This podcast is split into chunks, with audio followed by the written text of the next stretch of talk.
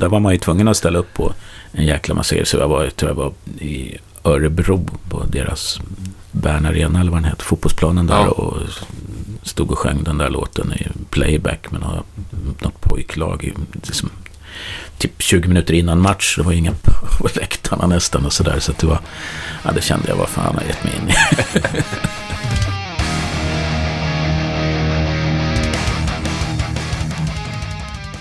Det här är det 26 avsnittet av Rockpodden.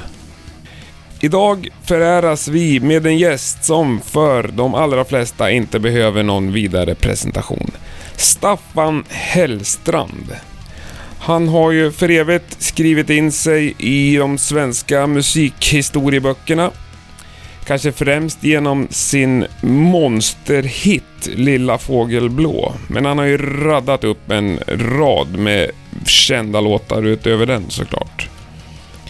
Staffan är ju mitt uppe i sin karriär och självklart ska jag fråga honom om vad han pysslar med just nu. Men naturligtvis så kommer vi också in på de gyllene åren på 90-talet. Jag vill också passa på att varna känsliga lyssnare för att vi kommer att beröra det inom många musikkretsar förbjudna ämnet sport. Staffan har ju skrivit en låt till det svenska fotbollslandslaget en gång i tiden. Och han är ju också en hängiven fotbollssupporter. Vilket även jag råkar vara, så vi kan inte riktigt hålla oss ifrån att snacka lite svensk klubblagsfotboll också. Men det sjoket är över på några minuter bara, så eh, jag hoppas att ni kommer stå ut med det. Nog snackat om det, nu rullar vi igång tycker jag. Det här är Rockpodden med mig Henke Brandryd. Jag önskar dig en god lyssning. Idag har jag den stora äran att sitta i en liten studio på Söder i Stockholm mitt emot Staffan Hellstrand. Mycket trevligt att ha dig som gäst i Rockpodden. Ja, tack så mycket. Och tack för att jag fick komma hit. Ja, Hur mår du idag? jag mår bra faktiskt. Jag är redo att anta dagens utmaningar. Underbart. Vad har du för utmaningar en dag som denna? Eh, Jag ska hålla på att spela in och klippa lite i några nya låtar jag håller på med. Jag sitter och pular här. Sen eh, har jag en... Sam, det är Stockholm Design Week just nu. Och en Ja. sambo som är designer då, så hon har en stor utställning i, i Stockholm där jag har gjort en playlist. Så den ska jag dit och kolla att, Aha. att ljud, ljudet Du funkar. är diskjockey på avstånd, så att säga. Ja, jag ska dit också vara med också. Ja. Och sen ska jag gå och se The XX ikväll här. Så att det blir en, en fullspikad dag. Härligt. Ja, men är det en ny skiva du håller på med? Ja, det är en ny skiva jag håller på med. Ja. Har du något att berätta om den? Ja, jag spelar ganska mycket själv och, och eh, försöker göra. Jag, efter sju år i, ett skilsmässoförråd så, så fick jag upp min farfars gamla piano som jag är uppväxt med och levt med. Som är ett ganska fint piano. Okej. Bechstein. Och nu har jag köpt jag en ny lägenhet här i förra hösten och då till slut efter många om och men så lyckades vi hissa upp det i huset. Det är väl ganska stort och åbäkigt. Men nu har jag, hade jag det, fick jag det här då förra våren och då har jag skrivit ganska mycket pianolåtar. Så det var kul och försöker göra något suggestivt, speciellt. Inte, det, det är inte så hitinriktat sådär. Jag okej. sneglar inte på radiolåtar utan Nej. jag ska göra något som jag själv tycker Ja. är väldigt, väldigt bra bara sådär. Jag lyssnade lite på senaste skivan, Mm. som kom 2015. Ja, Ja. blod och tårar. Exakt. Där är det ingen gitarr alls i princip. Nej, i alla fall väldigt lite. Ja. Eh, så jag, jag, tror man kan säga att jag har gjort min gitarr, elgitarrresa. Du är klar med det? Ja, jag tror det. På 90-talet var jag väldigt mycket, och då var det ju väldigt mycket elgitarr. Men, men Ja. jag gjorde ju plattor med The Nomads och, Ja. och hade gitarrist som heter Fredrik Blank. Och alla, det har tagit Mm. väldigt stor plats på mig. Framförallt mina 90-talsplattor. Så att jag har på något sätt glidit över i någon mer, mer intresserad av någon slags modernare ljudbild och brist på bättre ord. Men Ja, jag, jag jag tycker fattar. ganska mycket om klanger Ja. och att saker händer och rytmiskt och sådär. Så jag, Men du skriver låtarna på piano nu för tiden? nej, jag skriver på gitarr också. Ja. Så att jag har, men förut på- varje platta kanske det varit åtta gitarrlåtar och en eller två skrivna på piano. Mm. Men nu kanske det är 50-50 mer. Okej. Nu, jag, jag hittade ett så grymt skönt citat av dig, apropå det här med elgitarrer bara. Mm. Jag, unnar mig att fästa mig vid elgitarrer. Ja, just det. Mm. det är helt fantastiskt. Gör du inte det längre alltså? Jo, det gör jag. Jag Ja. tycker det är det, det, bland det snyggaste jag kan tänka Ja, mig. för det stod med någon sån här schysst eh, Fendi Jaguar. Ja, så men jag har haft en sån här Lake Placid blå Jaguar. 60-talaren. Ja, 65. Jag har två Jaguarer till och med. Och Ja. sen, men nu, den jag spelar på nu är en Gibson ESS Ja. 335. Den, Väldigt den, snygg också. Den är väldigt snygg och den är väldigt Ja. bra framförallt. Jaguarer är ju snygga men de är ju jävligt krångliga. I, Ja. som Elektroniken pajar ju hela tiden. Okej, ja, det är mer än vad jag vet. Jag håller mig Ja. till bas Ja, okej. när jag spelar. Jag Ja, har en Precision där. ja den är riktigt snygg. Mm. Televarianten. Ja, det är det väl. Mm. Men di- din gamla karriär så att säga, medan du fortfarande spelar gitarr, det är väl Mm. ändå på något sätt anledningen att jag överhuvudtaget vet vem det är och att jag kanske i förlängningen är här Ja, idag. precis. Jo, men man får väl Ja. konstatera att 90-talet var mitt så här, kommersiellt, hittills i alla fall, Ja. bästa decennium. Ja, det gick ju riktigt bra tag. Mm. Men hur förhåller man sig till det nu då? Nej, jag är ganska glad att jag har skrivit mm, framförallt en låt då, som, Ja. som i princip alla känner till. Och så där. Det, det, ja, det, jag tror gör, man kan säga att alla gör det. Ja. det, det gör ju ganska mycket. För att det, Ja. jag tror inte att jag hade kunnat ha den karriär, eller fortfarande kunna leva på musiken idag. Nej. Att jag har ju, men det är ju en hit som folk känner igen, som alla känner igen. Sen har jag, byggde jag upp någon slags publik tror jag på 90-talet. Jag Ja. släppte ju en platta varje år och, Ja. och i princip och byggde upp någon slags publik som har ett förhållande till min musik Mm. och till mina texter Mm. och, som fortfarande finns där. Så läggs det till lite nya. Jag samarbetat med Lasse Winnerbäck, då Mm. kom en del av hans publik och sådär. Så att det...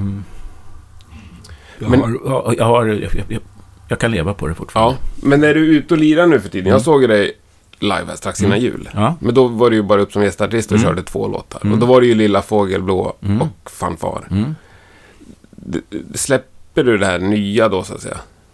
Eller Ja, jag, dels är det ganska svårt att göra när jag, i och med att jag jobbar med så här loopar och elektronik och så Ja. här rätt mycket på både den senaste plattan Mm. och det här. De är rätt svåra att göra live. ja. Jag gjorde en, en, en så här, tre veckors turné med band då. Mm. Med, med den plattan jag gjorde. Men då, då hade jag en del backtracks med Mm. så där, på en del låtar. För att... Men live tror jag att jag inte... Jag är egentligen inte så himla intresserad av att... Liksom, då, då är jag mer gitarrstaffen. Ja.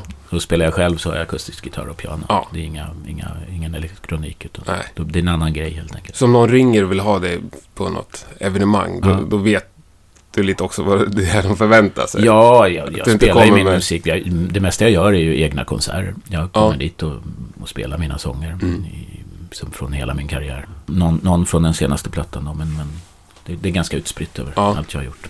Men då har du lite mer akustisk version av de nya. Ja, precis. Ja. Då kör jag akustisk gitarr. Eller piano. Jag brukar ha piano med mig också. Ja, det var någon extra, jag lyssnade igenom den där nya skivan några gånger. Mm. Någon textrad som gick rätt in på mig. Uh, hette låten Tommy och Magic. Ja, Tommy och Magic, ja. Med landsförvisade... Vad, vad gick den då? Ja, det ska jag inte fråga mig. Ska jag inte fråga dig? Jag kan, kommer inte alla Det finns texter. en open mic för alla vackra landsförvisade... Helgon, ja. Helgon. Ja. Den handlar om två personer. Det var två personer som dog, tyvärr, den, den eh, sommaren. Dels en, en Tommy Blom då, som ju var sångare i Tages. Åh! Som jag råkar, som jag inte känner egentligen, men vi, jag brukar bodde här då och gick ner på en pub som heter Big Ben och kollade fotboll ibland. Han, bruk, Mm. han satt alltid där. Så att vi, vi var ju, kände ju ändå igen varandra som, Ja. som, som musiker Ja. båda två. Han var ju mer radiopratare och sånt där sen, men han, han, plötsligt fick jag höra att han hade gått bort. Och, Ja. Sen var det en saxofonist som hette Mats Magic Gunnarsson som mm, helt oförklarligt drunknade i, på Djurgården. Okej. Eh, ungefär samma. Mm. Och honom har jag spelat med till och med på min första riktiga egna soloplatta. Mm. Så att eh, det var väldigt tragiskt och tråkigt. Mm. Jag skrev en slags hyllningslåt till de två och till kämpande, turnerande musiker Ja. och sådär. Ja, det var schysst. Mm. Rad. Ja, en jättefin låt också. Mm. Och det är ett fjort, gett ut 14 soloskivor. Har Fem, jag 15 tror jag det är. 15, ursäkta. Och då är det inkluderat tror jag en samling som släpptes 2001 eller något sånt där med, med så, outtakes. Ja, Mm, alltså B-sidor och, Ja. och från samlingsplattor och Okej. lite sådär. men 15 soloalbum, det är inte Ja. dåligt alltså. Nej, Nej. det är det väl inte. Men hur, hur gammal var du när första kom? Jag var ganska gammal faktiskt. Så, så att, eh, jag var med först. Jag började som tonåring i ett symfonirockband från Nyköping. Där jag är uppväxt. Mm. Spelade keyboard faktiskt där. Så därför jag håller kvar lite det här vid piano och så. Ja. Syntar och stråkmaskiner som det kallades då. Eh, och sen så tyckte jag inte att det var så kul musik. Så då axlade jag gitarren och ställde mig längst fram i ett band som hette SH. Som var någon slags postpunkband. Men efter Staffan Hellstrand? Ja, precis. Ja. Men många kallar oss för Sh också. för våra, han som gjorde omslaget satte ett utropstecken efter där. Så, men vi, vi spelade från 82, 83 till, till 90 kan Mm. man säga. Vi gjorde tre plattor. Så där, eh, så att jag höll på att spela hela tiden Mm. men, men jag kunde inte leva på det. Nej. Så någon gång släppte en platta 92 som fick Grammis och så. Mm. Innan Lilla Fågelblå då. Ja. Så um, från där ungefär kunde jag börja leva på det och försörja en ganska stor familj Mm. också. Så Och det var också på den tiden man sålde ordentligt med skivor. Precis, Ja. det, det är ju en väldigt stor Så du har massa skillnad. guldskivor hemma på väggarna? Ja, jag har några stycken. Ja. Grammisar och rockbjörnar och sånt där som man fick. Det är, det är stort alltså. Mm, ja, men det, det var en... Ja. Fast jag ett annat fokus då liksom på att Ja. släppa en platta. Mm. Det var liksom en större grej och så turné och sånt Mm. Så att det är inte riktigt, riktigt så nu. Nej. Album kanske har mist lite av sin lyskraft, även om folk fortfarande recenserar och sådär. Men, men det, Ja. jag tror inte för publiken så, så är ju kanske i alla fall en del playlists och på Spotify ja, och så för en ganska stor del. Ja, så det är en, en annan grej. Ja. Men eh, hur är känslan då? Nu sitter du och håller på med ett nytt album och jobbar. Mm. Ja, men då, faktiskt kommer det där tv- tvivlet in ibland. Ja. Vad ska jag släppa ett album till för? Vad ska... Någon gång är jag lite missmodig sådär. Ja. Så det var... Men du hittar ändå inspiration, så att göra omslag och... Ja, det, det har inte kommit så långt. Nej, men- ja, ja, men det gjorde jag på förra. Det, Ja. jag, jag tog själv en bild i New York som Mm. jag tyckte var väldigt snygg. Som, jag, Mm. som var omslag på min Mm. senaste platta. Men nu är det ju till och med så att nu diskuterar man ju om man överhuvudtaget ska släppa ett fysiskt album. Ja, strunta i det bara lägga ut låtarna bara. Ja, på Spotify. Ja. Då blir det eller iTunes och vad det nu är. Nej, jag vet, jag satt på en middag mitt emot Silvana Imam då. Ja. Hon, hon, hon släppte. Det var liksom otänkbart för henne att släppa en CD. Ja, Liksom, framförallt hon är lite en yngre artist. artist. Jo, men en yngre artist med yngre publik. Det Ja. kan jag tänka mig. Utan då var det vi- vi- vinyl då också. Ja. eh, På streama. Men säljer du lite fysiska skivor fortfarande? Ja, det säljs ju inte jättemycket i affärer eller på Nej. nätet. Det kan jag inte säga. Men däremot så finns det ju många som vill komma och köpa efter konserter Ja. och sånt. Så det är där man egentligen säljer plattor då. Ja. Så det gör jag ju. Det, det kan ju gå ett Ja. gäng ibland. Men hur mycket är du ute och spelar? Många- Ganska, ganska mycket faktiskt. Ja. Det är det jag lever på nu. Ja. Så sommaren, ja, vad kan jag ha gjort förra året? 20, kanske 60 gig eller något sånt där. ja, det är bra. Ja. Verkligen. Det- Så det finns någon slags publik där. Det är klart, jag, Ja. jag, jag spelar inte på Ullevi Nej, som så... Håkan, men, men jag, jag, det, det kommer folk. Ja. Det, det, det, som sagt, det räcker för att sätta en frukostlimpa på bordet. Ja, Jag kan inte köpa ett hus i Nice, men jag kan leva på det och det är jag faktiskt väldigt glad för. ja, ja, det förstår jag. Mm. Få förunnat och många stora dröm liksom. Ja, nej, men jag, jag tror jag kom lite i rätt tid också. Så Ja. på något sätt. Men sen är du lite låtskrivare också. Ja. Åt andra artister. Mm. Det har jag varit... Eh, jag kommer inte ihåg. Jag skrev en låt till mig själv. Det var nog första gången jag fick med någon låt sådär. Jag skrev en låt till mig själv som blev som en nästan gammal schlagerlåt Ja. i början på 90-talet. Och jag tyckte inte den passade på min platta. För den liksom stack ut Mm. väldigt mycket. Men det var en hyllningslåt till, till där jag bodde då. Jag flyttade ut i förorten eh, 89. Och eh, väntade mitt tredje barn då. Mm. Sen fick jag fyra då. Men, och jag var liksom... eh, Jag vill inte flytta från stan. Jag bodde på Kungsholmen då. Nej, Mm. jag kan inte flytta från stan. Jag är punkare liksom. Jag ska bo här. Så, jag, så flyttade jag till radhus i förorten liksom. Var, men alla mina fördomar kom på skam. Liksom på den lilla gatan där vi bodde då bodde det liksom två konstnärer, en litteraturprofessor, en isländsk författarinna och någon skådis. Ja, men det var liksom bara, Ja, ja. Jag hade mer kontakt på en vecka där än vad jag hade på tio år med grannar och så. ja. Så jag skrev en låt som heter Hela min gata är mitt hem. Och den tog Anneli Rydé med på sin den här plattan hon gjorde med gamla slagers. Ja. Eh, Stulna kyssar tror jag den hette. Och eh, det var första gången. Det var den enda nyskrivna låten på den plattan. För den lät som en gammal schlager då. Så det var första gången jag fick med någonting på någon Ja. annan platta. Och sen blev jag ganska efterfrågad som låtskrivare. Skrivit mycket texter och musik till olika folk. Och gjort ett helt album med Idde Schultz då. Ja. Med Fiskarna i haven. Och det är då- också en jättehit. det är också en jättestor hit. Ja. Som nästan alla också kan nynna på Ja, jo, men det är ja. nog, den, den, är, den är också inspelad i flera versioner utomlands. Den har varit en, nummer ett i Danmark. Den har varit eh, stor hit i Polen också. Så, så den, den har inte legat på Billboard. Men den har Nej. ändå varit spridits i Mexiko, den är inspelad och Estland. Och, Häftigt. Med alltså an, mexikansk artist. ja, Och- en, en av polska, deras större artister Ja. har spelat in den. Har du fler sådana? Nej, det är egentligen den som är... Ja. Det finns en hel engelskspråkig version av, av Iddes platta. Det var med att skulle ut till Japan. Och Mm. så mycket snack. Och lite verkstad blev det till slut. Ja. Men den finns i Den en engelsk i version. Ja. Men skriver du fortfarande låtar åt andra? Ja, det gör Linda Ström från Cookies and Bean har precis släppt en platta Mm. som vi har skrivit helt, helt tillsammans ihop. Den kom förra veckan. Då får vi kolla upp den också. Ja, Ja. men den är bra faktiskt. Mm. Hon är fantastisk röst och så. Den har jag inte producerat, det gjorde jag i Mid. Mm. Gjorde jag en, platta, en hel platta med Lena Nyman också. Som inte fick... Alltså skådespelarkvinnan? Mm. Ja. Bodil Malmstens texter och min musik och produktion och Lenas som sjöng. Det var också en väldigt rolig platta att göra. Det låter ganska Den häftigt. kom Ja. 97. Då.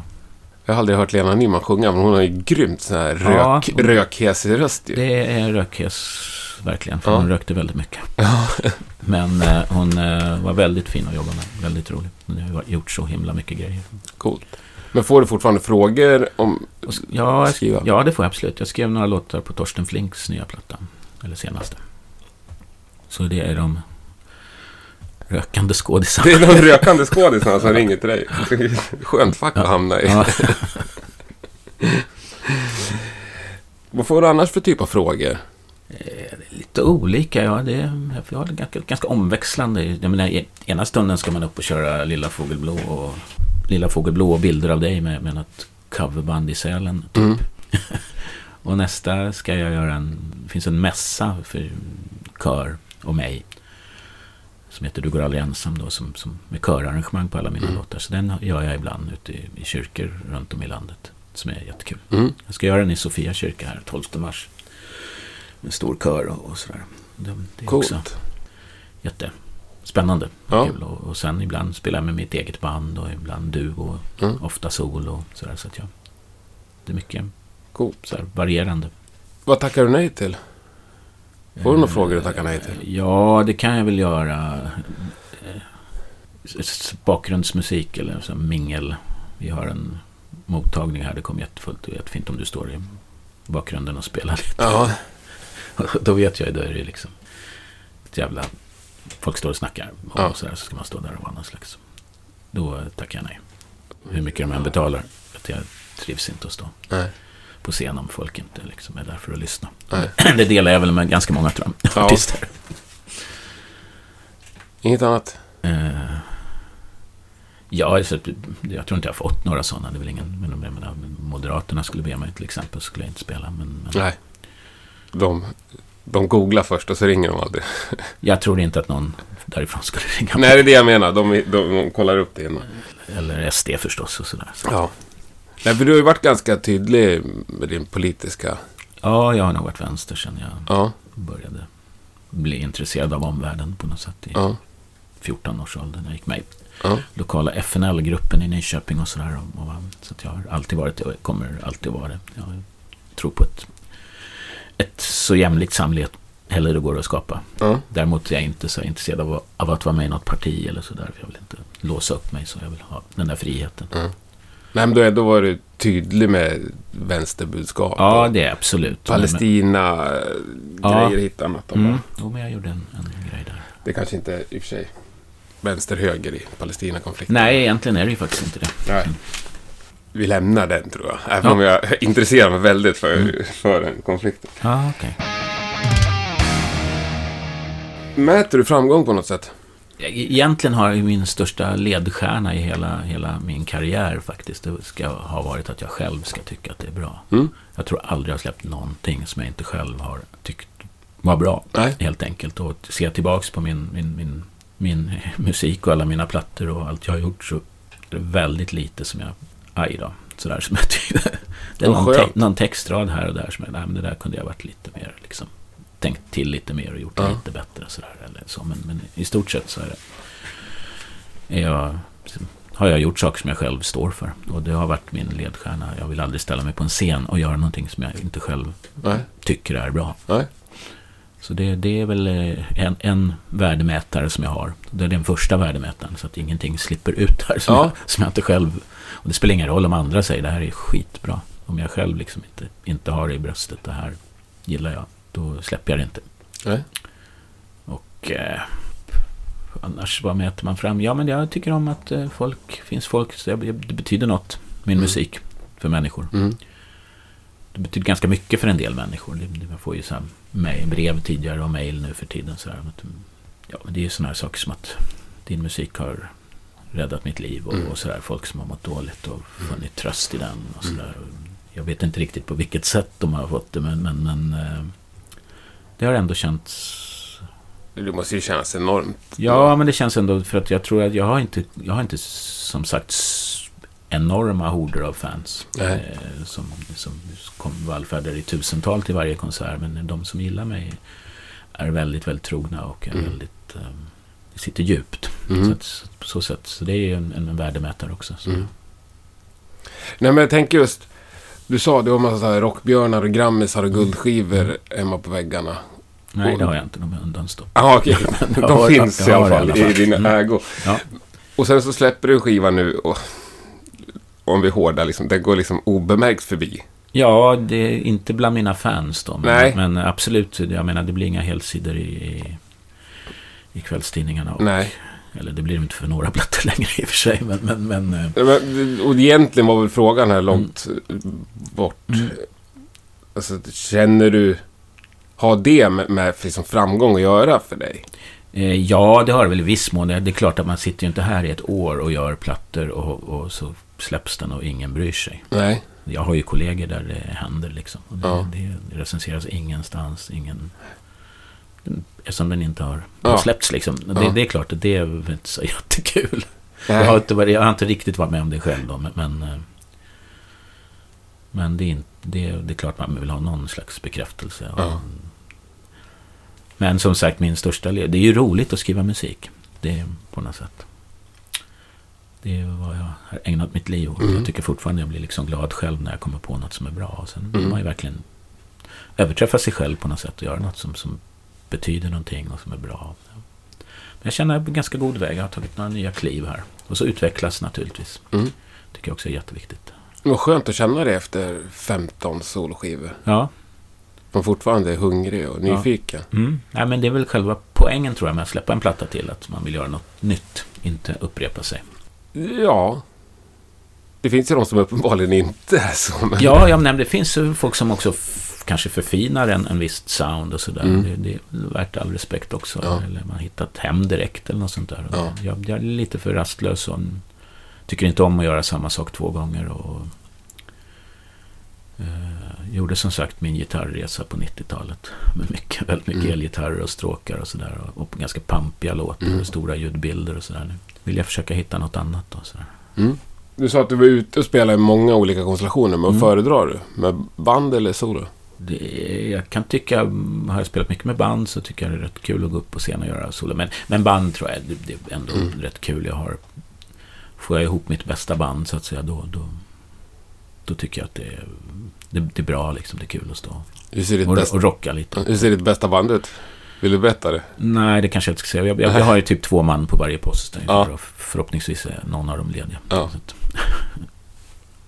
Vad är viktigt för dig när du är ute och spelar? Eh, att det är dels sådana praktiska saker, att det är bra ljud. Mm. Att jag har bra ljud på scenen, bra monitorer. Så är det mycket, mycket roligare att sjunga när, man, Mm. när det låter bra. Liksom, man hör sin röst bra. Man, blir liksom, man, man går igång själv på Ja. något sätt på sin egen röst. om det inte låter för narcissistiskt. Men, ja, men man, det, man gör det. liksom, Det är roligt att sjunga när man hör shit, det här, Ja. det här låter ju bra. Liksom, Mm. Man blir peppad av det. Mm. Än om det bara är ett burkigt, man knappt Mm. hör vad man sjunger, man blir hes efter halva konserten. Och så. Mm. så det är en praktisk grej att det ska vara bra ljud. Det är viktigt. Och sen ska det vara en, en lyssnande publik. Som, eh, det har jag ganska ofta. Mm. Som ska helst både vara lyssnande och entusiastisk Mm. förstås. Men det, det, brukar gå, det brukar gå rätt bra. Jag menar, de som kommer dit gillar ju mig. De, Ja. Men jag tycker nog jag har hittat något bra, bra form där för att spela live. Mm. Ensam. Vad gör du innan du går upp på scen? Eh, fred, vankar omkring lite grann. Gör upp låtlista förstås Mm. innan och tar en öl kanske. Är du nervös? Nej, Aldrig? nej, Har du aldrig faktiskt inte. Jo då, absolut. I början av min karriär var jag absolut nervös Mm. för att spela och sjunga rätt. varit? Mm. Så det, det kan jag absolut vara, men inte nu. Är jag, inte det. Mm, jag är laddad liksom. Jag Ja. kan verkligen bara tycka att liksom, det är inte så att jag... Det är som att gå upp och äta frukost typ. nej. Utan jag, Ja, det är skönt. jag är peppad och laddad Ja. och tycker det här ska bli jävligt kul. Mm. Men, men jag, är inte, jag är inte rädd för att, vad kan hända liksom. Nej. Nej, kanske... I alla fall jag, i sådana fall, det är nog så yttre grejer. Så kommer Mm. det folk, eh, kommer det Ja, funka. visst. Ja, men det, är, sånt, sånt kan jag vara nervös det över. kan jag också. Jag menar, det är inte alltid att jag fyller ut en lokal. Nej. För, det mesta gör jag det. Så att, ja, men, I alla fall tillräckligt för att det ska bli en, ett par hundra för att det ska bli en bra konsert. Mm. Liksom. Mm. Men jag har absolut haft mina... mina ja, där man lika gärna hade kunnat gå ut och sätta sig vid ett bord och spela typ. Ja, Så det, har, det, det tror jag har hänt ganska många det tror jag alla har med om faktiskt. Det, Alla. och då beror det av. Det, det kan ju finnas arrangörer som, som bokar in en och sen... Jag spelade på ett ställe i Luleå, det var ju så. Det, det jag har de minnena, det är ju mer från min, från min kanske tidiga karriär. Nu Ja. brukar det alltid komma folk, men där var det, det stod ingenstans att jag skulle spela. Ingen, ingen tidning, ingen, inte ens utanför stället. Det var ingenting. Så jag vet inte hur, varför det skulle komma folk. Det var Nej. liksom helt... Och varför de Inte på hade Facebook, bokat en artist liksom. Ingenstans stod att jag skulle spela. Ja, det Det var ganska nyligen. Eller det är som att slänga pengar i sjön också. Ja, visst ja. Jag fick Ja, det var nu alltså, ett halvår sedan. Nej, ett par år sedan var det. Ja. Jag fick ju fullt betalt så det Ja. var inga problem. Men det var liksom helt onödigt. Men frågar du? Ja, jag tror inte den som hade bokat var där. Ens. Ja. Men det blir ju lite nästan parodiskt när man står så. Ja, verkligen. Men, men var, det var ingen som hade lyckats få reda på det på Jo, något det, sätt? det var några som hade snokat reda på sig. Det Ja. var väl kanske 10-15 personer där. Ja, ja. Det, det är ändå inte mycket. Ja, men, nej, men nej, det, är klart att det inte är. Men jag menar, du, du kunde ändå genomföra någonting och få någon slags... Mm. Ja. en, poängsfråga till det där med ditt band.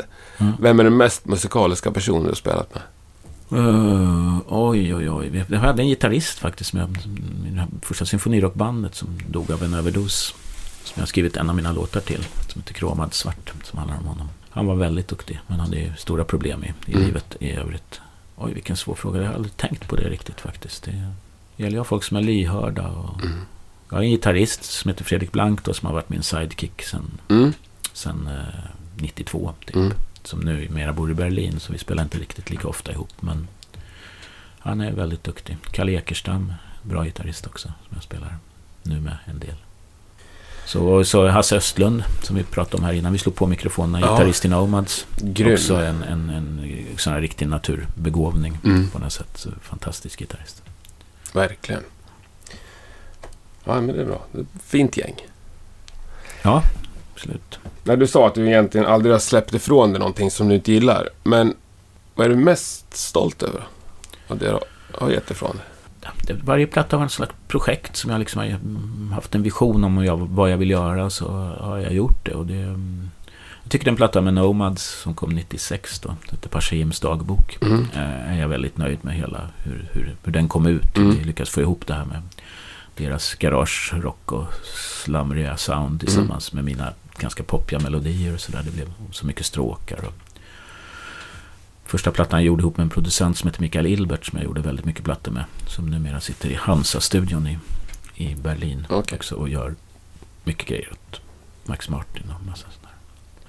Och där, där, där fick vi ihop det på ett bra sätt. Och där finns det också en låt som heter Fanfar då, som, som har liksom spridit sig ganska mycket, väldigt långsamt. Ja. Den är 20 år gammal men nu senast så körde Helene Sjöholm den riksdagens öppnande tillsammans med Stockholms filharmoniker. Så att den har en slags hyllning till... Ja, men jag har sett människor. att det är många artister som har gjort den också Ja. på tv och Ja, det där Moreus-programmet. ja just det. och- Precis. Så det, Det är ju en fantastiskt fin låt. ja, ja, men den, jag vet inte hur den kom till riktigt. Men, men den, den har liksom levt upp på något sätt. Den Ja. Citerad i böcker och sånt där. Den finns liksom. Men är ganska tidlös också, Ja, kanske. Ja, precis. Nej, men den var... mm, Och det var liksom också någon slags statement från mig i den låten. Budskapet i den låten. Ja, Det är kul. Det, så den är jag då stolt över. ja det förstår jag. Nej, det här kanske... Jo, men det är lite roligt. Du säger du har aldrig släppt någonting som du är så stolt över och du tackar nej till sånt och känner att det är fel. Liksom. Men, men vad är det ocreddigaste du har gjort? Förstår du frågan? Ja, absolut. Det Ja. förstår jag. Ja, men jag... Ja, jag, jag gjorde en fotbollslåt också år 2000. eh, Ja. Till svenska landslaget. Ja. Fick göra den officiella då. eh, EM-låten 2000. Och då, då, då fick man ju gå utanför min lilla, lilla box som jag trivdes så bra i. Ja. Där jag liksom styr allting själv. Där var man ju tvungen att ställa upp på en jäkla massa grejer. Så jag var, jag tror jag var i Örebro på deras Bern Arena eller vad den heter. Fotbollsplanen där. Ja. Och stod och sjöng den där låten i playback med något, något pojklag. Liksom, typ 20 minuter innan match. Det var ingen på läktarna nästan och sådär. Så att det var... Ja, det kände jag vad fan har jag gett mig in i. Ja. Samtidigt var det en enormt rolig upplevelse. Jag vet inte om du gillar fotboll, men jag gör Abs- Jag är grym fotbolls... Jag hade Ja. tänkt att vi skulle prata lite om fotboll. Ja, okej, men då- Då tar vi det nu. Ja. Jag hade ju kunnat sätta allt jag äger och har på att du var Hammarbyare. Mm, nej, men det är jag inte. Jag läste att du var Öster... Ja, Östers IF från Växjö. Jag vet, det finns ingen logik i det alls Nej. överhuvudtaget. Du är ju liksom... jag är uppväxt i Nyköping. Ja. Men i och med att jag bor på Söder och är långhårig som Kenta. Ja.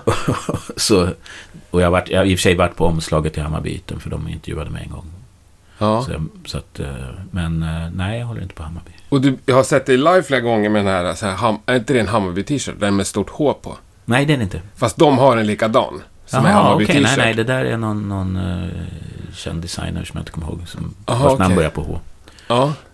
Det är sånt jag får av min tjej som är intresserad av Jaha. designers. ja, för Hammarby har en likadan. nej, jag, okej. jag alltid för... Du är ju urtypen för bajare. Ja, nej, men då, går- det, det är jag inte. Däremot, jag har också spelat för Bajen. Jag har spelat för...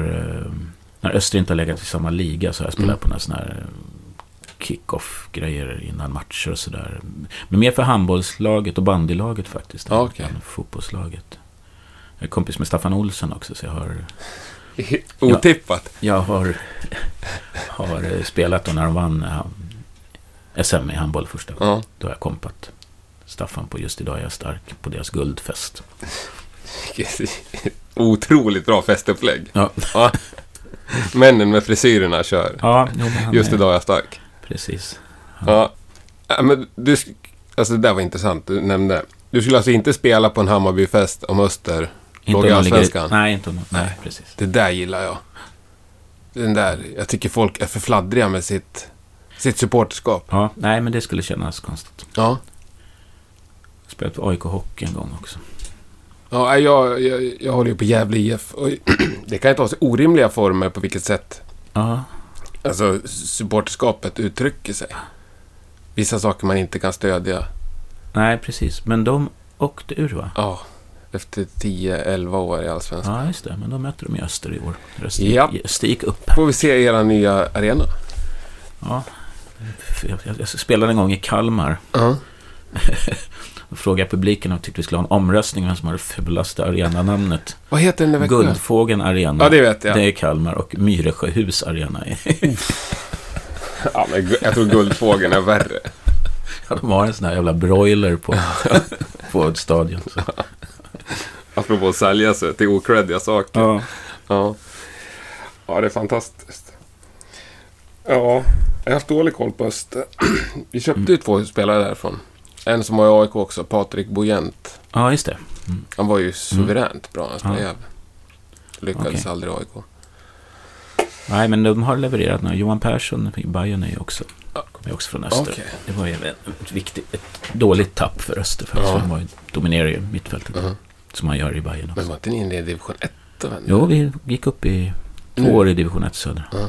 Jag stod på Vikingavallen i Täby och såg Öster möta Frej i sån här playoff för Superettan. Eh, Öster förlorade med 3-0. Precis samma elva som ledde Allsvenskan ett och ett halvt år tidigare. Åkte ur Superettan. Ja, det är märkligt. Precis samma elva. Märkligt. Men Det sitter ju här liksom. Ja. De var ju tafatta liksom. Ja. Mot jävla kvarterslag från Täby liksom. Ja, det, men det är väl det som gör det så fascinerande med fotboll.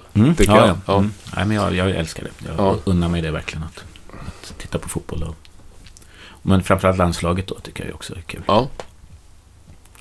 Men får du fortfarande några inviter från landslaget? Blir du bjuden på? Fixar du matchbiljetter? Ja, de gjorde... Nej, det gör de inte kan man säga. Nej. Någon gång när jag blev på... Om det har varit något ut, mästerskap utomlands så har jag Mm. lyckats få gå lite före i kön. VM 2006 till exempel. Var jag. Men i, nej, i stort sett inte. Man, man är ganska avpoliterad när Mm. man väl har... De är väldigt generösa medan man... Alltså väldigt inbjudande. Ja. För det är ju ganska sluten värld ändå, Ja. fotbollslandslaget. Men, Ja, verkligen. men när man väl är inne då är man liksom med på middagar efter matcher. Och det, så här, på verkligen, det är jätteroligt. Ja, det, på Sicilien och gjorde video med hela, hela landslaget. Så det var, det var grymt faktiskt. ja, det måste det ha varit. Ja, men du sa att du har ju pysslat med musik nästan hela ditt liv. Bara. Mm. Ja. Vad, vad är det som driver dig att fortsätta, så att säga? Det är väl att jag älskar musik liksom, Ja. på något sätt. Jag tycker om att lyssna på det, jag tycker om att, att spela det. Jag liksom har ja, liksom följt mig hela livet. Jag, Mm. Det var verkligen kliché. Jag köpte Hard Day's Night när jag var sju år. Så att jag, Ja. liksom, jag har, sen dess har jag varit, köpt skivor för alla pengar jag haft och ja, hängt med hela Ja. tiden på något sätt. Köper du fortfarande skivor? Apropå Nej, jag har faktiskt slutat med det för ungefär ett år sedan tror jag. Så släppte jag det. Annars, jag åkte ofta till London och så gick jag in på någon av HMV eller Tower Mm. Records eller Virgin eller något sånt Mm. där. Och kom ut med 25 CD-skivor Mm. sådär i resväskan när jag kom hem. Bara, vi är då, bara för att jag chansade och Mm. ville upptäcka grejer och sådär. Nu, nej, nu har jag faktiskt släppt det. Jag, hela min CD-samling står på landet. Och I min nya, nya lägenhet så ska jag ha vinyl bara. Och, och sen Spotify. Men vad lyssnar du på nu för tiden? Ganska bred blandning. Ibland går man tillbaka och lyssnar på grejer. Se, ja, det är XX som sagt. Gillar, gillar Blood Orange. Eh, massa smala band. Eh, Leonard Cohen senast tycker jag är Mm. fantastiskt bra. Så jag har ganska bred smak. Jag lyssnar väldigt mycket på jazz också. Mm. Riktigt, som så 60-talsjazz. och John Coltrane och Miles Davis. Och... Du är aldrig inne och fuskar på lira och sånt? Nej, jag är inte tillräckligt bra Nej, musiker för att vara i den ligan. inte ens hemma i smyg? Ja, jo, men jag kan väl sitta och improvisera lite på pianot, men inte mer än för mitt eget Nej. nöjes skull. Så jag är inte så bra, helt enkelt. Du har aldrig provat något annat, att säga? Rent musikaliskt? Nej, jag är, jag är ju liksom... Även om du har utvecklats solokarriären såklart. Mm. Men, Jag har gjort lite instrumentalmusik. Jag, hade en, jag gjorde en föreställning här med Bob Hansson, poeten Bob Hansson och, mm. och en videofilmare. Så vi gjorde en, en föreställning, där gjorde jag en hel del instrumentalmusik som låg bakom videofilmer och sådär. Det, var- Mm. det var rätt kul. Och sen har jag skrivit en del teatermusik och lite sånt där. I, till radioteatern och sånt där. Det var ett tag sedan nu, men... Jag, så jag har gjort sådana grejer, men jag har inte gett mig på något, något klassiskt eller något Nej. sånt. nej, nej. Om man googlar dig, Mm. skriver man Staffan Hellstrand, då kommer det så förslag på, Mm. som Google ger en, Mm. man ser vad de andra har googlat på. Ja, Har du koll på vad topp tre är där? nej. Nej. Det har jag faktiskt inte. Gissning då? Nej, ingen aning. Nej, det var inte så spännande. Kan inte tänka mig. Men familj, det var nummer ett. Ja, okej. Och sen fanfar och lilla fågelblå. Ja, okej. Jag har ju en, en, min nuvarande sambo är ju rätt känd inom sin, sin, Mm. sitt gebit också. Hon Mm. finns ju med liksom. Mm. Ibland. Ja. Hon är designer då. Men du har varit ganska privat sådär ändå. Ja, det har jag varit. Det, är så, jag vill vara också. Ja, det, Faktiskt. Jag, ja. Nej, men jag har inget behov av det. Ibland så känner man, ja, det är klart man skulle visa upp någon annan sida av sig själv. Och ibland får jag såna här frågor om att vara med i årets travkusk eller något sånt där. Eller vad det nu heter. Du får sådana frågor? Ja, jag får ibland sådana. Men jag, sen när jag börjar tänka efter vad det innebär så tackar jag alltid nej. Jag fick väl någon fråga på 28 säsongen av Fångarna på fortet typ så här också.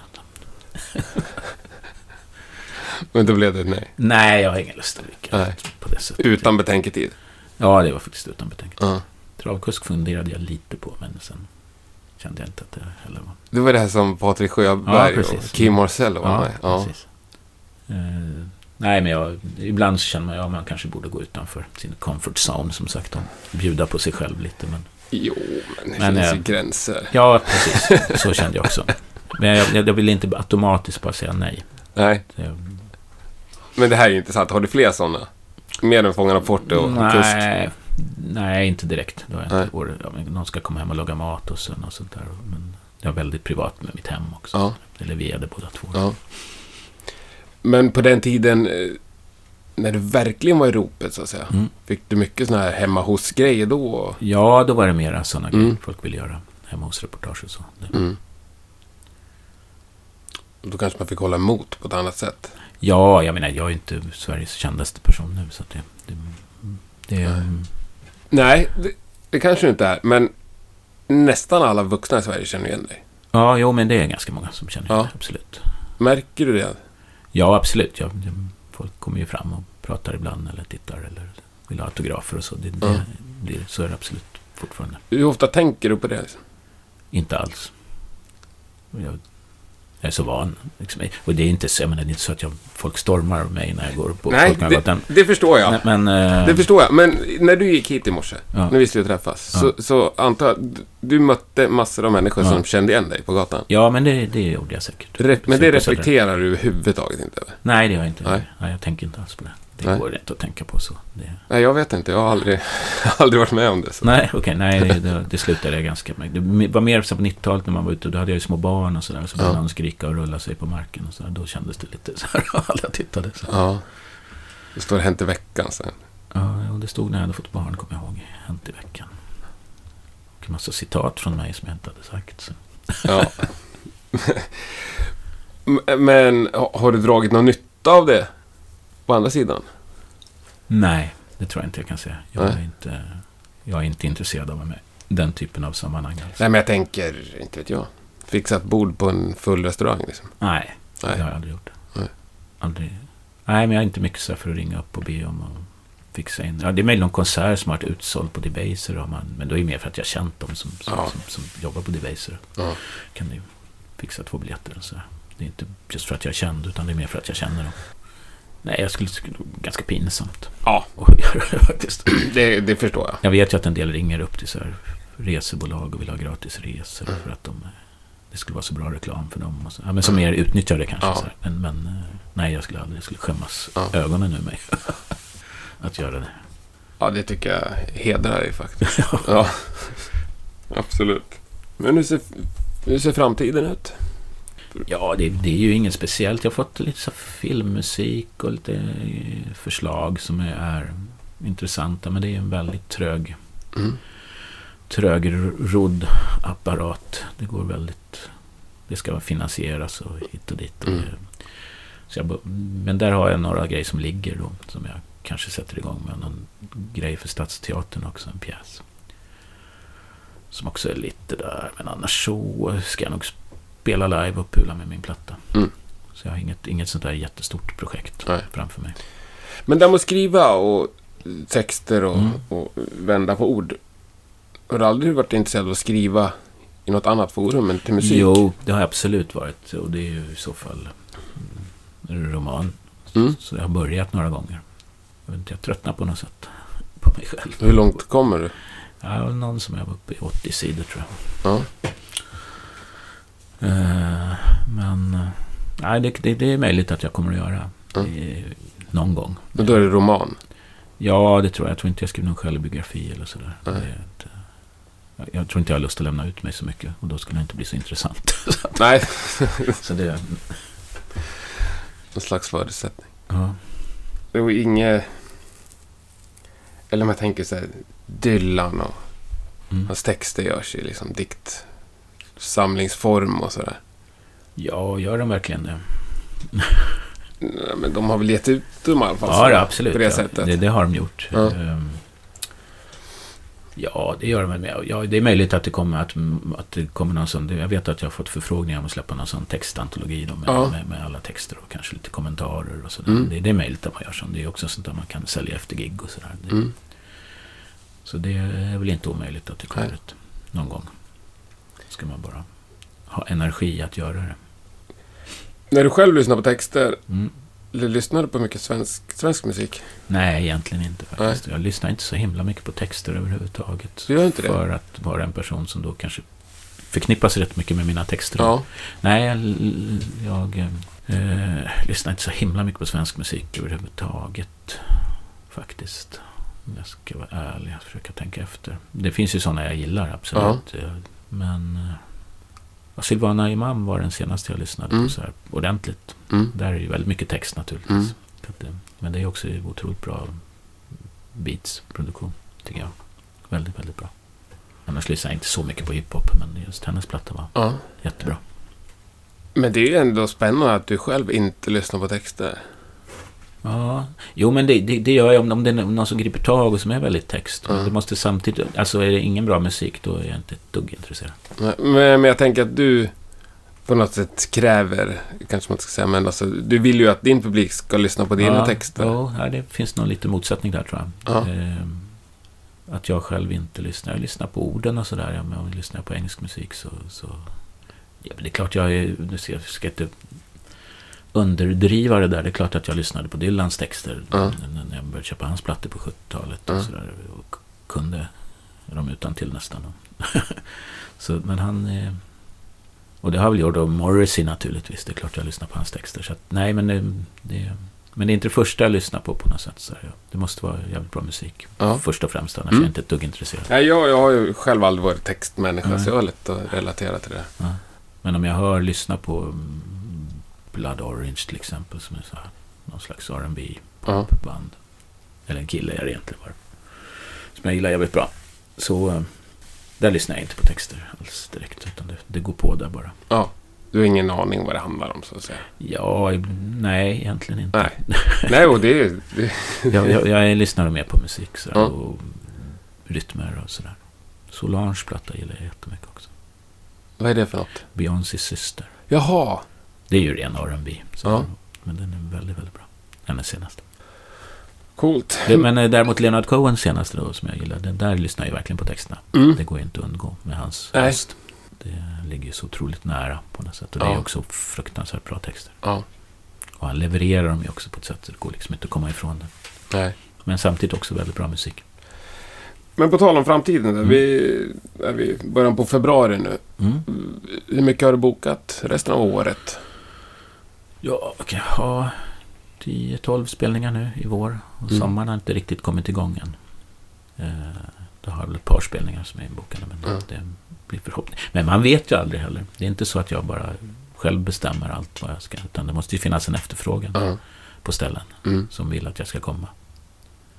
Men du känner dig skapligt trygg i att det rullar på lite? i alla fall? Ja, det, det brukar göra det. Så det, Ja. Jag är inte orolig direkt. Sådär. Men, men det är Ja. klart att det, inte, det finns ju ingen självklarhet. Jag menar, jag, börjar, jag är ju fyllt 60 nu. Liksom. Det är Mm. inget, inget självklart att jag alltid ska ha en massa spelningar. Sådär. Så vi, min publik kanske dör ut en efter en. Så gamla är de inte. Nej. Och du upplevs ju också på något sätt Ja. ständigt ung. Ja, jo, absolut. Jag har inga Ja. problem med det. Jag identifierar mig inte med min ålder överhuvudtaget. Nej. Faktiskt. Utan jag är mer, känner mig ungefär som jag alltid har gjort. Ja. Och vad är det för ålder? Ja, det- 18-19 sådär. Ja, ja men det är lagom. Där, där, där fastnar vi. Mm. Men hela din långa karriär, har du någonting du är besviken över? Att det inte blev som du... Eh, nej, det var lite, jag har kanske haft någon ambition någon platta sådär som, inte, som jag inte kanske vågade ta riktigt fullt ut utan gled in i lite gamla mallar. Men inte besviken, det, det blev liksom bra ändå, Mm. men det kunde blivit ännu bättre. Mm. Eh, nej, det är inte. Sen kan man ju bli besviken att någon platta man tycker är jävligt bra inte får den uppmärksamhet som Mm. man tycker att den borde ha fått. Men det är inte så mycket att göra åt på något sätt. Nej, men om vi säger så. Vilken är den mest underskattade plattan eller låten du har gjort? Låt kan jag nog inte säga någon. Jag har gjort så himla många. Men, Ja. men, men eh, eh, jag tycker den senaste kunde ha fått lite mera Mm. attention. Eh, hade jag varit nöjd med på något sätt. Mm. Men det har ju också kanske att göra med att det, hur intressant är någons femtonde platta. Jag, menar, jag är ganska ointresserad av Neil Youngs senaste platta trots att jag då kanske har 30 plattor med honom hemma. Ja. Då, eller kanske just därför. Ja. Så, så det, det är klart att det finns något utmattningssyndrom utom för de absolut trognaste Ja. fansen. Ja. Så den senaste finns det... eh, man vill väl alltid, jag menar, man vill alltid ha, man är väl aldrig nöjd så att säga. Man, på något sätt. Nej, jag vet inte. Uppmärksamheten. Den plattan jag gjorde innan fick ju väldigt mycket uppmärksamhet. Ja. Um, slags country. Då var jag inne i någon country-sväng och Mm. testade lite. Den märktes ju verkligen att den kom. Mm. Ja, har jag något jag missat i din karriär? Har du något stort har hoppat över Nej, det var du? väl en, eh, en ganska heltäckande. Det var inte meningen att bli någon sån antologi heller, Nej. utan egentligen Ja. tanken. Vad är Staffan Hellström nu för tiden? Mm. Så här, Ja, just det. Nej, men jag, Vad jag, tänker han om livet? Jag håller på som jag har gjort hela tiden Ja. på något sätt. Och utom att du, framförallt har jag liksom förutsättningar för att göra en platta.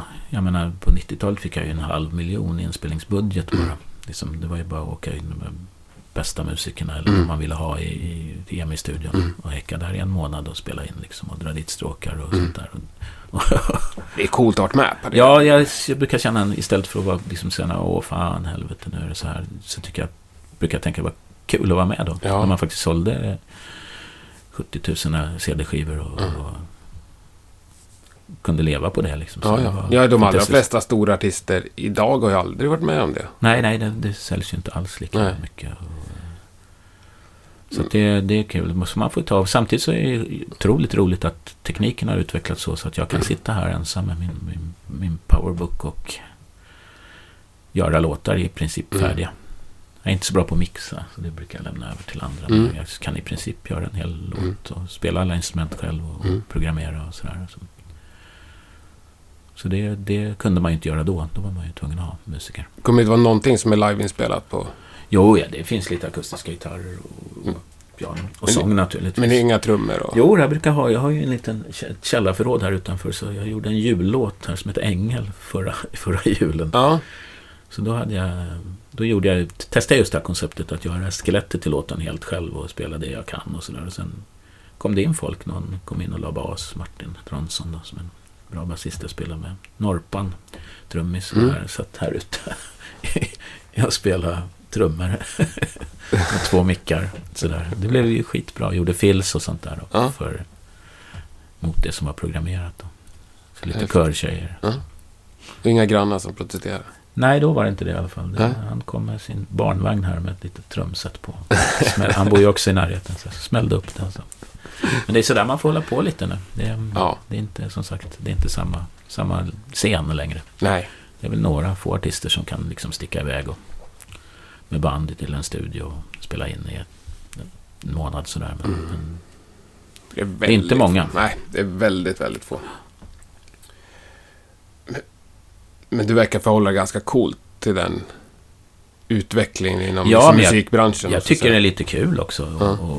sitta och, och lära mig grejer. Och jag, har, jag har tid att göra det. Liksom. Mm. det är inget, eh, jag tycker att det är, det, är, det är kul att upptäcka nya grejer, upptäcka nya ljud. Och eftersom jag är ganska mycket inne i den här världen då med, med, med mer elektroniskt och mer Mm. syntar och mer grejer så, så tycker jag det är ganska spännande. Ja. Och sen tror jag att man alltid måste, eller för, för min del med den typen av musik jag gör, för jag gör ju liksom inte R&B, jag gör ju ändå poprock på något sätt Mm. så måste man eh, lägga till någonting. Ta dit en trummis som gör fills eller spela hi-hat eller Mm. alltså olika saker som gör det lite mer levande. Jag tror när samma musiker gör, spelar allting, Mm. då blir allting på ett sätt. Det vill säga, det blir mitt tänk. Ja, Hur jag spelar bas, hur jag, alltså allt hamnar i precis samma form. jag förstår. Det måste vara någon liten friktion eller brytning av någon, Mm. någon annan frisk, frisk hjärna som kommer in. Ja, det är väl det dynamiken i Mm. band. Ja, det, det, det skulle på ett sätt vara rätt kul att göra. Jag har också plan på att göra någon kör eftersom jag, nu finns körar på mina låtar. Mm. Att göra någon körplatta. Antingen Mm. liveinspelad eller också Ska se hur det går här den 12 mars då jag spelar med Sofia Gospel då, som är en stor och väldigt bra kör som har gjort skivor också. Så jag har en liten plan på att göra det också. Coolt. Då går vi dit och kollar på det. Mm. Ja, men gör det. Den, det. Det blir en, en bra kväll. Eller Mm. bra, jag tror det börjar vid, på eftermiddagen eller 18 eller något sånt där. 12 mars. Ja, Skriv upp det. Stort tack för att jag fick komma hit. ja tack själv. Jättetrevligt att träffa dig. Ja. Jag tycker om att ta hand framför mikrofonen. Ja. Ja. Härligt.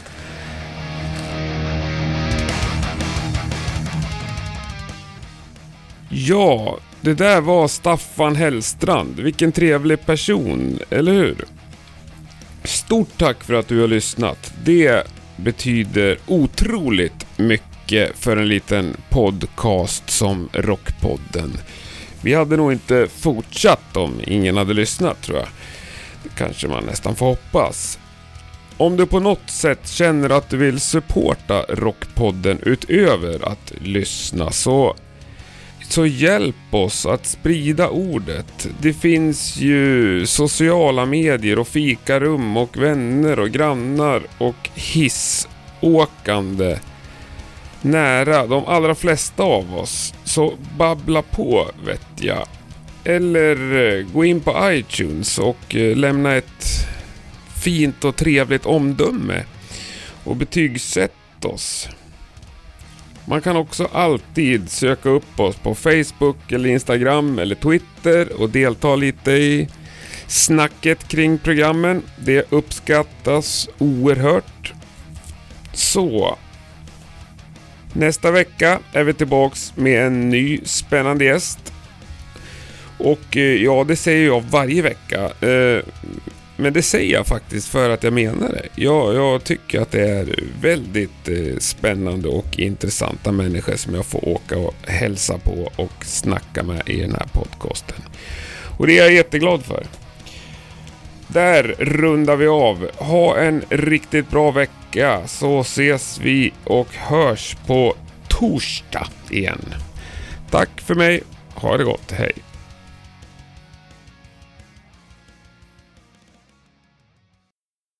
Så att jag skrev ett meddelande till dig igår. Ja, just det. Ja, ja, men jag, jag, jag gick hemifrån och sen vände jag faktiskt. För jag bara tänkte, ska jag ha med mig någonting? Jag visste, jag, jag såg det meddelandet. Det, Så då fick jag greppa det absolut. För jag har...